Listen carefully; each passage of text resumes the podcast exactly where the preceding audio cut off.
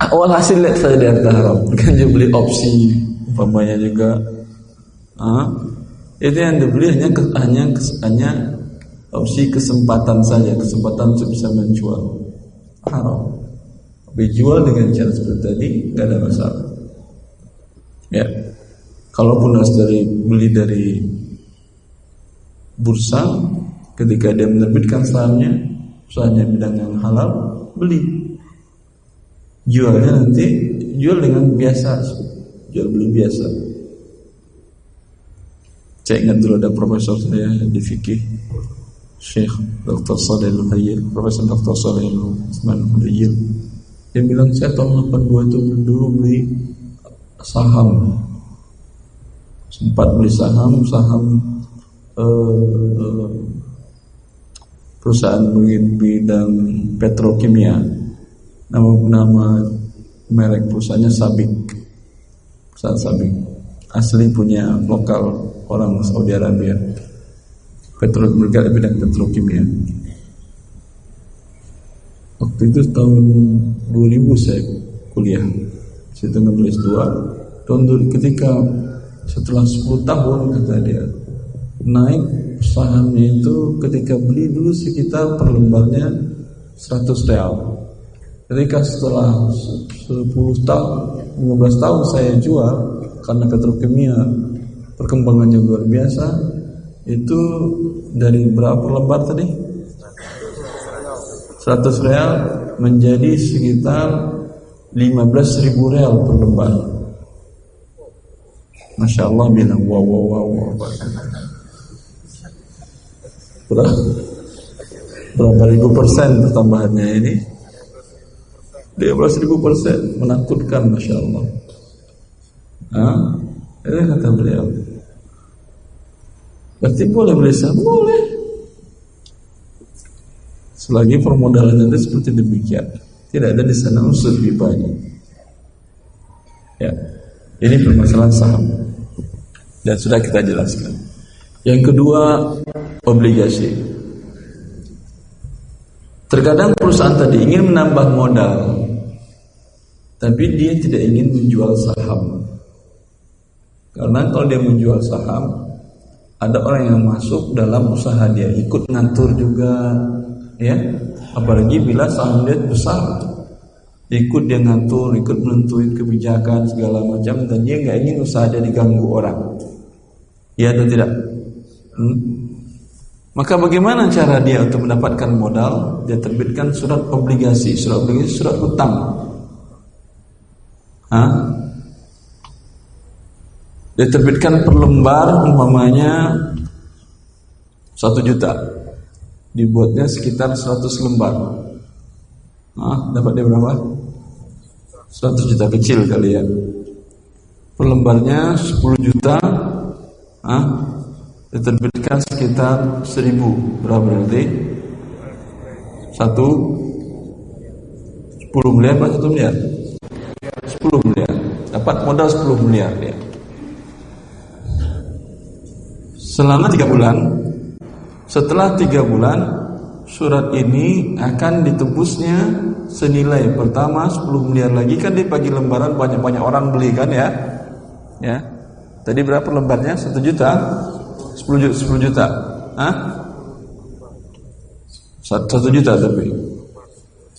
Per lembar berapa tadi catat nanti hilang uang antum 10 juta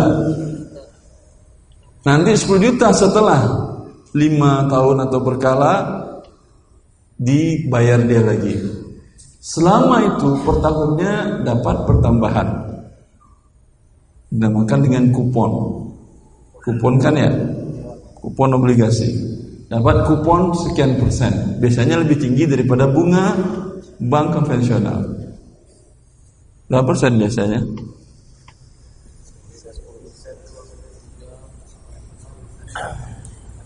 18% per bulan per tahun lebih besar. Ini hukumnya riba. Kenapa riba Ustaz? Kan dia ikut usaha. Tidak, dia tidak ikut usaha. Dia hanya menyerahkan dana dan dijamin kembali. Sebesar itu tanpa ada kekurangan kalau rugi. Lalu dapat pertambahan yang dia terima per bulannya. Iya kan? Ini namanya riba. Jelas itu. Berbeda dengan saham tadi. Saham tadi naik turun.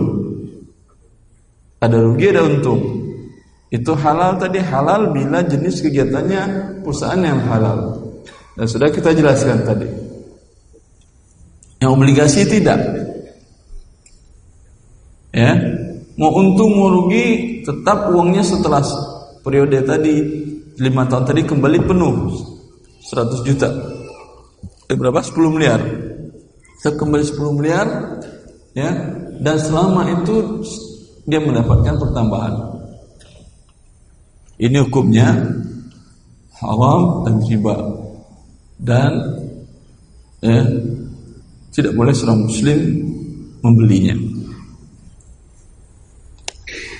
Kemudian ada nggak solusi syariahnya atau badil untuk obligasi yang sesuai dengan syariah tidak melanggar ketentuan Allah?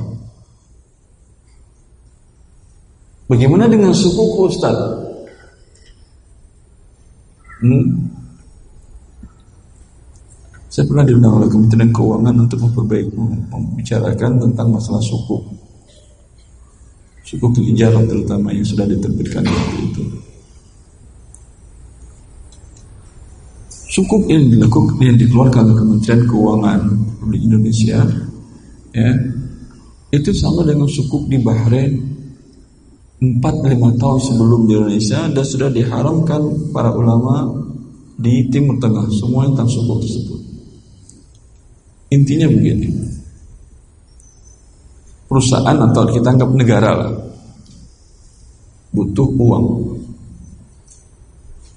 untuk pembiayaan atau untuk membuat sarana dan prasarana yang dibutuhkan infrastruktur dan lain-lain yang dibutuhkan oleh negara. Seperti jalan tol umpamanya dan lain-lain. Kalau mereka surat mengeluarkan surat hanya tertulis di sana angka rupiah ya berarti ini uang ya kan mereka tidak tulis angka rupiah tapi bahwa ini adalah mewakili kepemilikan si pemegangnya terhadap setiap lembarnya sekian persen dari keseluruhan aset yang di, aset vital yang dimiliki negara dijual. Seperti umpamanya di Bahrain di waktu itu mereka menjual membutuhkan dana. Anggap uh, di Indonesia yang bersuku adalah GBK, kemudian uh, gedung Kementerian Keuangan, kemudian Bandara Soekarno Hatta, Suta, Suta itu bukan milik negara lagi sudah. Itu milik pemegang suku. Mereka jual, umpamanya dia butuh sekitar seribu triliun.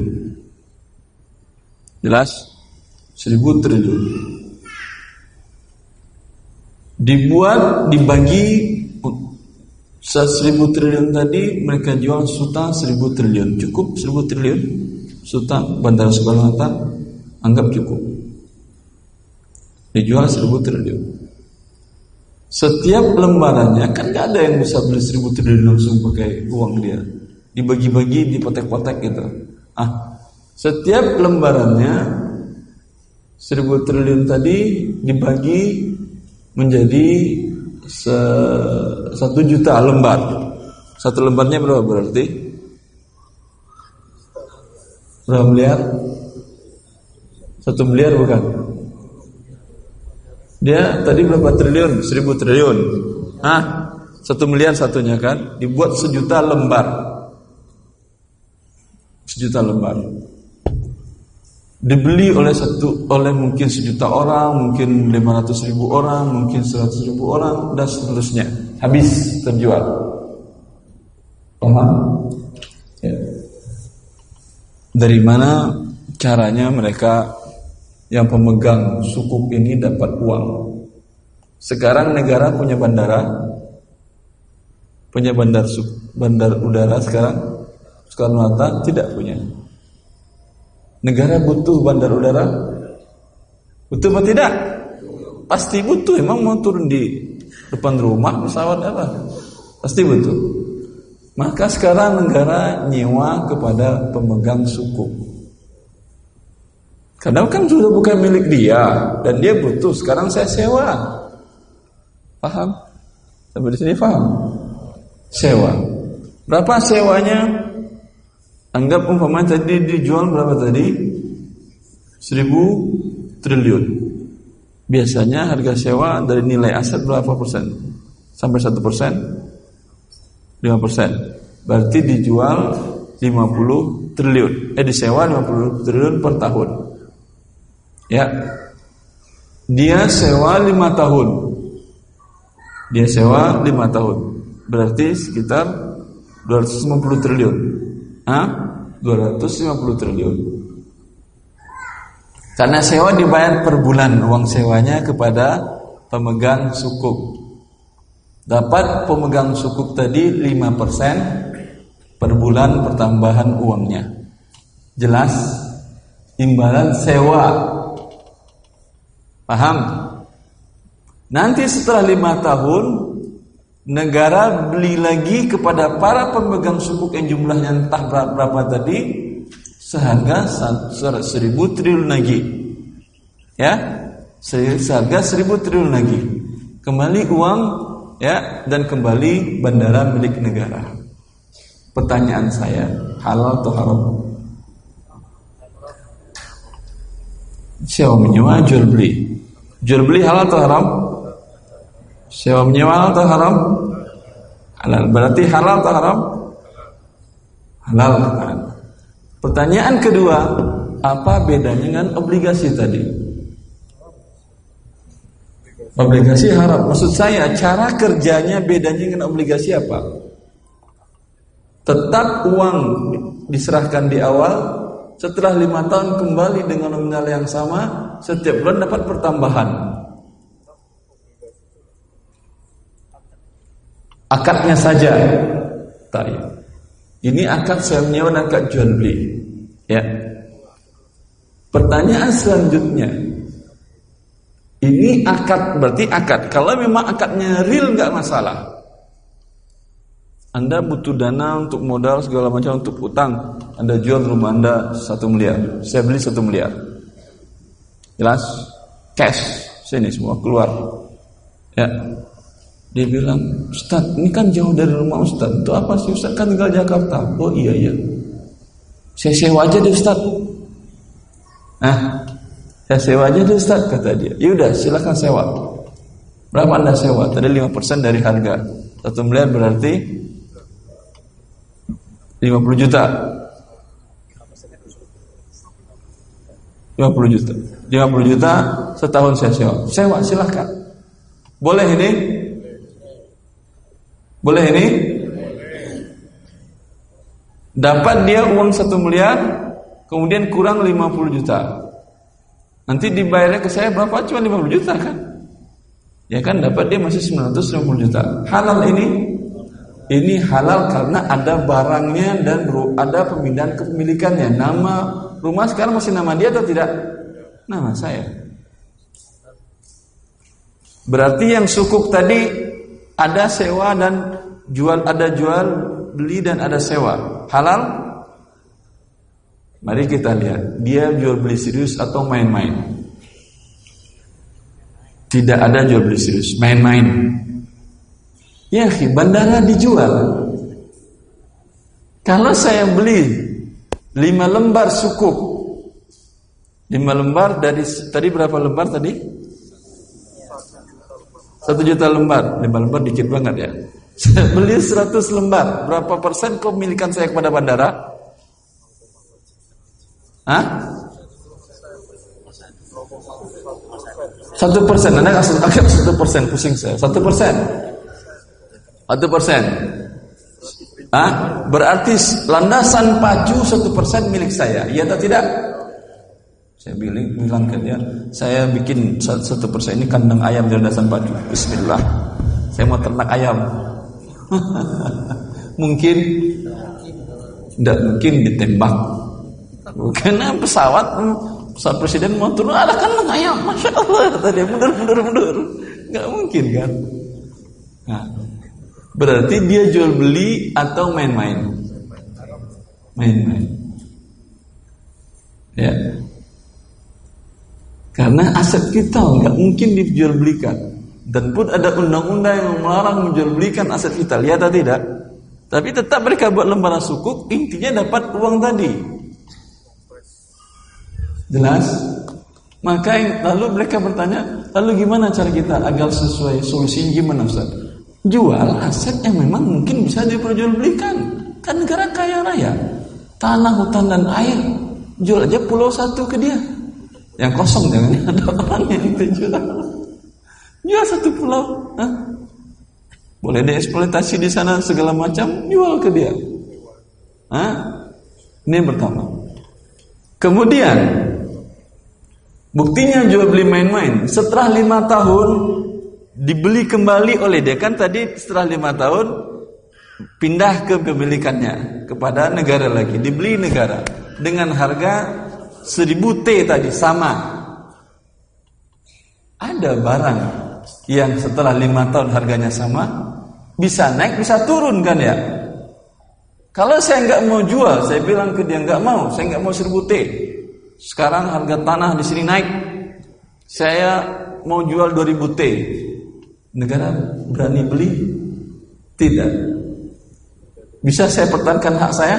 Juga tidak paham walaupun dia bikin jual beli namanya padahal jual beli harus antara din ini dari awal sudah diikatnya.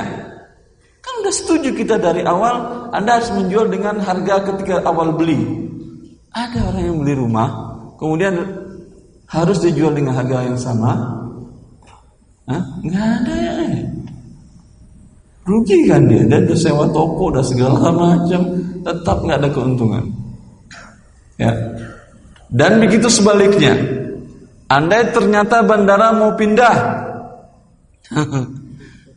Pindah. Ya, ah, karena ini sering banjir bandaranya umpamanya. Ah, dia tetap beli nggak dari saya?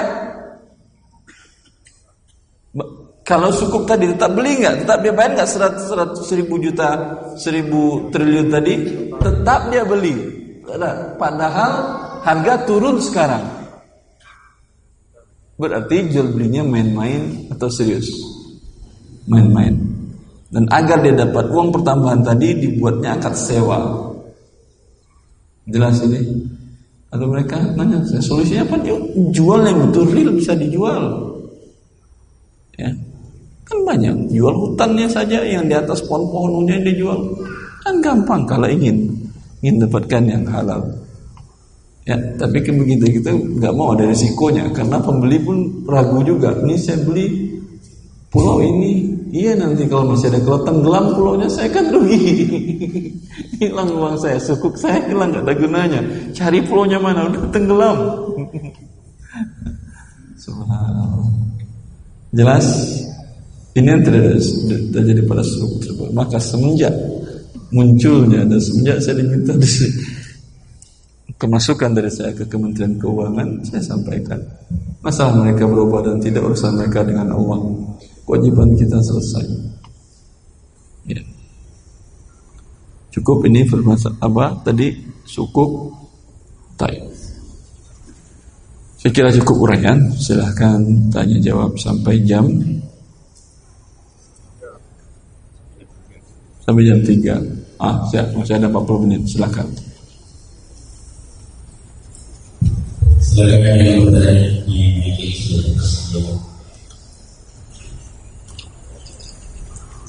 Assalamualaikum warahmatullahi wabarakatuh. Waalaikumsalam Saat ini masalah pajak. Enggak, enggak.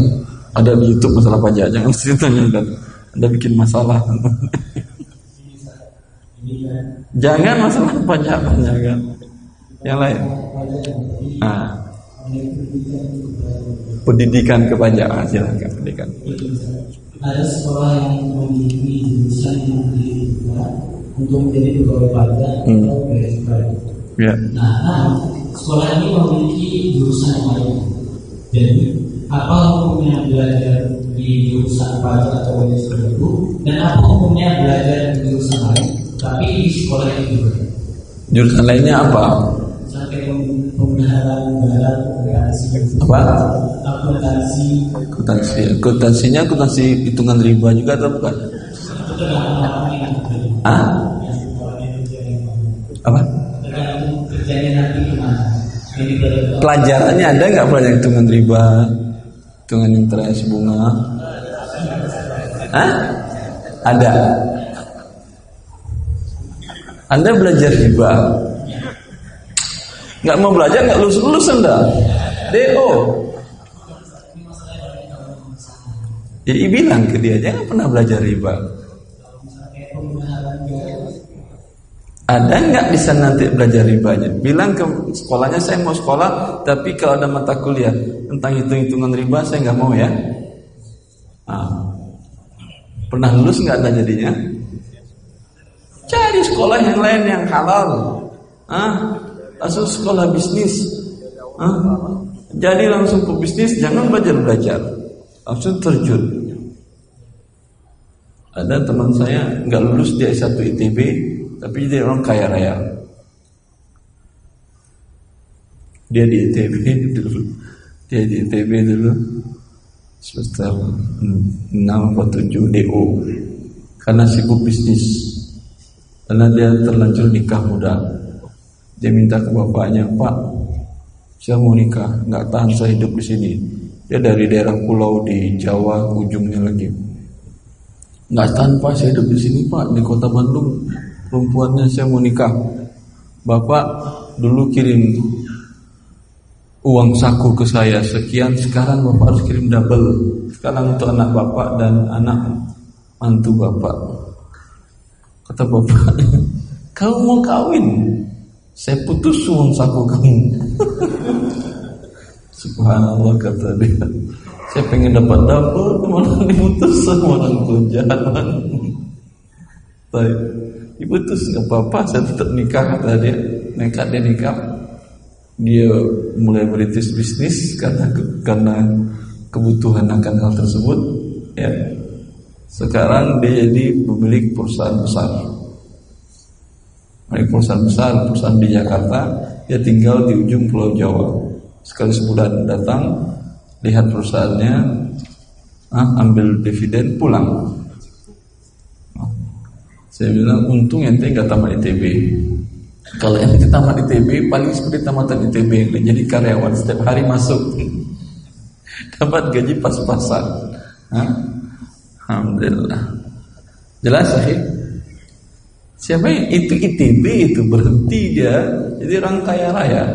Kalau dia teruskan jadi karyawan ITB, eh, karyawan ITB, di tamatan ITB, ini kita orang biasa seperti yang lainnya. Paham? Assalamualaikum warahmatullahi wabarakatuh. Assalamualaikum bisa Siapa? Hai kalau ada kalau kita ingin memiliki saham perusahaan di bursa, apakah cukup melihatnya dari neraca keuangan saja atau ada cara supaya kita tahu betul bahwa perusahaan itu tidak tersambut dengan riba. Nah, tidak eh, tidak melaksanakan. Iya. Dan neraca keuangannya kelihatan kan. Kemudian dari eh, apa tadi? Dari ADART-nya. Saya kira tidak ada. Biasanya kan itu sudah ada RT itu apa? Form format dari notaris atau dari ini ada kan pernyataan bahwa dibenarkan kecuali dia memang menampilkan kami tidak ada itu. Oh. biasanya nggak disampaikan itu. Apakah kita harus melacak sampai ke dapur ke dalam-dalamnya itu Ini harus. Bukan boleh. Kalau enggak ada beli yang enggak ternyata nanti tahu pusing enggak. Oh ternyata ada ribanya dari awal sebelumnya. Enggak lebih baik anda teman saudara yang punya usaha tadi. Kan itu gampang nggak perlu ke dapur-dapurnya. Tinggal panggil aja dia.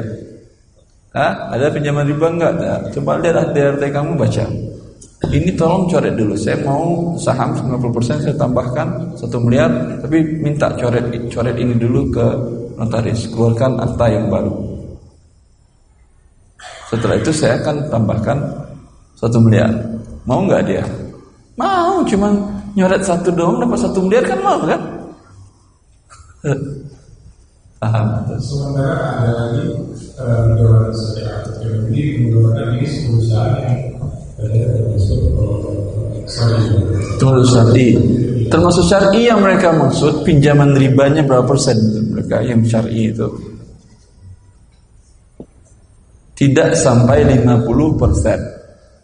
Artinya 49% modalnya dapat pinjaman dari riba itu syariah atau tidak menurut Dewan Syariah Nasional? Dia 51% baru haram. Pinjaman dan modalnya 51% untuk riba, haram. 41 49% halal atau haram? Syariah atau tidak menurut mereka? Syariah. Coba kita ambil kaidah ini untuk seluruh dosa besar. Berarti menurut dia riba 49% halal. Berarti zina 49% halal? Syirik 49% halal berarti? Hah? Mencuri hak orang, korupsi 49% halal? Hah? Bilang ke Dewan Syariah Anda begitu ya. Kemudian apabila kita menemukan memang betul-betul bebas ya. apakah kita bisa memanfaatkan uh, trading saham yang sekarang ditawarkan di perusahaan sekuritas itu yang besar? Lihat, Anda mau tradingnya dengan cara yang bagaimana? Sekarang ada sistem yang memang otomatis kalau tidak sulit. Serahkan ke reksadana gitu ya. Anda mau beli yang mana? beli saham di dapat yang halal ya. kemudian ingin di trading ingin dijual belikan sistemnya yang uh, bekerja sistem yang bekerja dengan cara yang haram dia dia bisa be short sell bisa be margin dan segala macam. Jelas? Salam.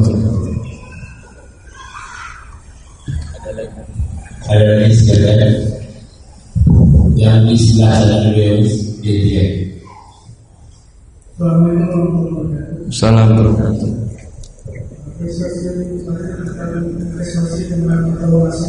Apa? Apa? Investasi mata uang asing. Maksudnya apa investasi mata uang asing ini?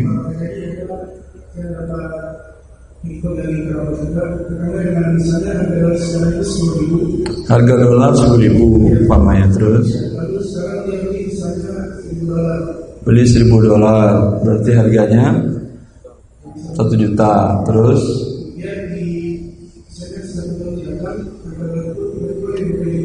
Tiba-tiba dua kali lipat. Jadi dua ribu kapan itu?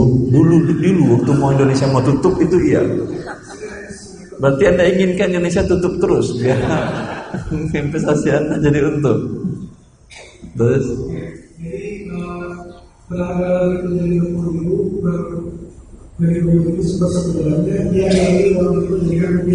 Ya. Anda sebentar. Pada waktu beli cash atau tidak? Tunai. Ditransfer uangnya rupiah pada saat yang sama dolar masuk. Di mana seperti ini?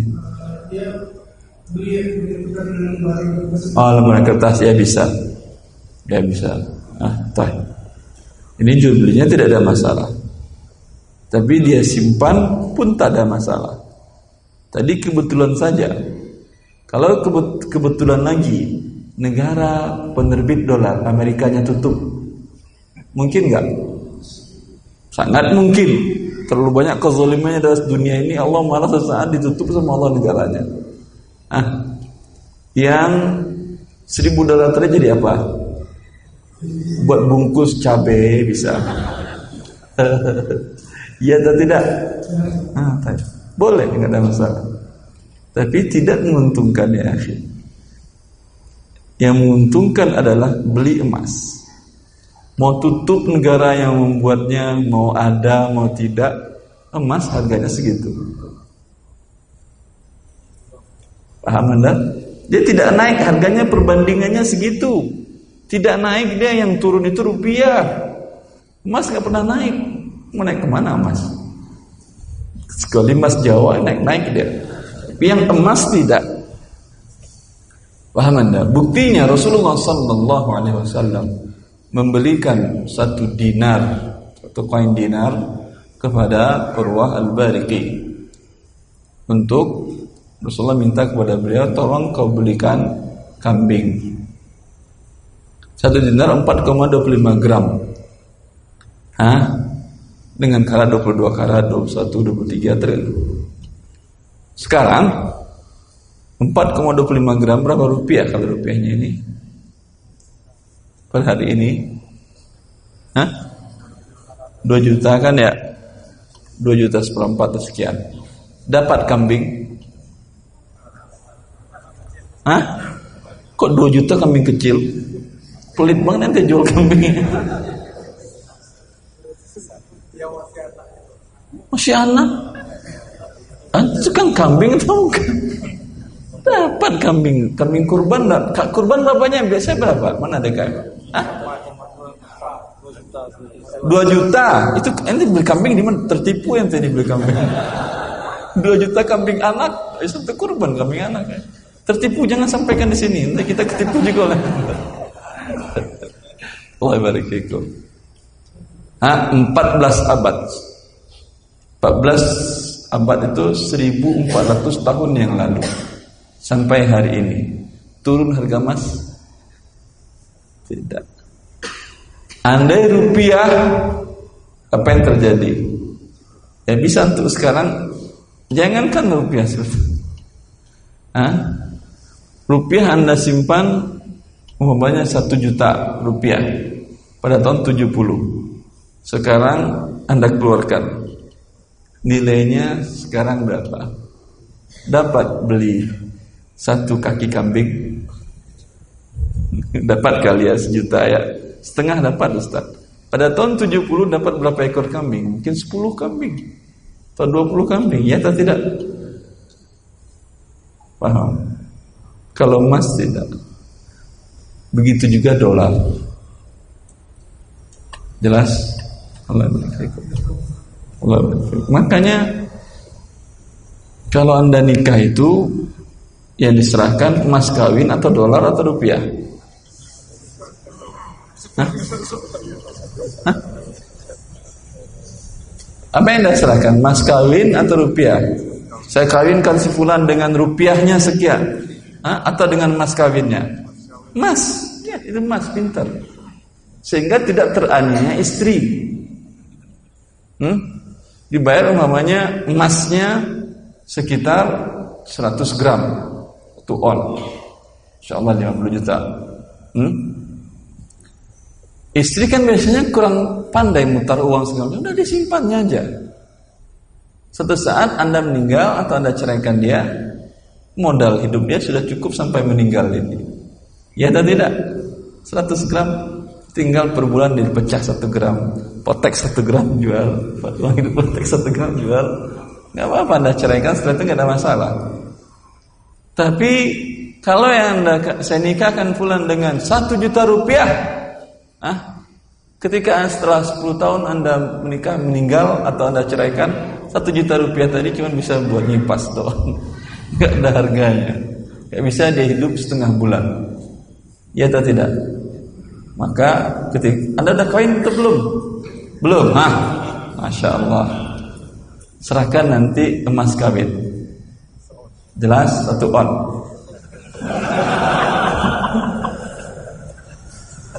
Satu on. Satu on kan murah satu on. Satu on. Hah? Allah barik. Satu segram baik 50 juta, 56, 55 juta. Ya, yang lain. Jelas ibu-ibu, ibu-ibu kalau ada anaknya mau nikah bilang ke calon suaminya. Ah?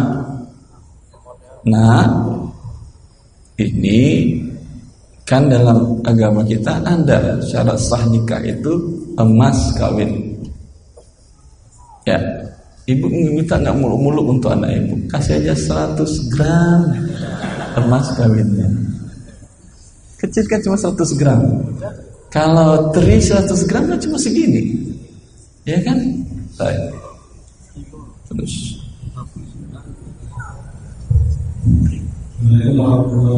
Salam yang Apa?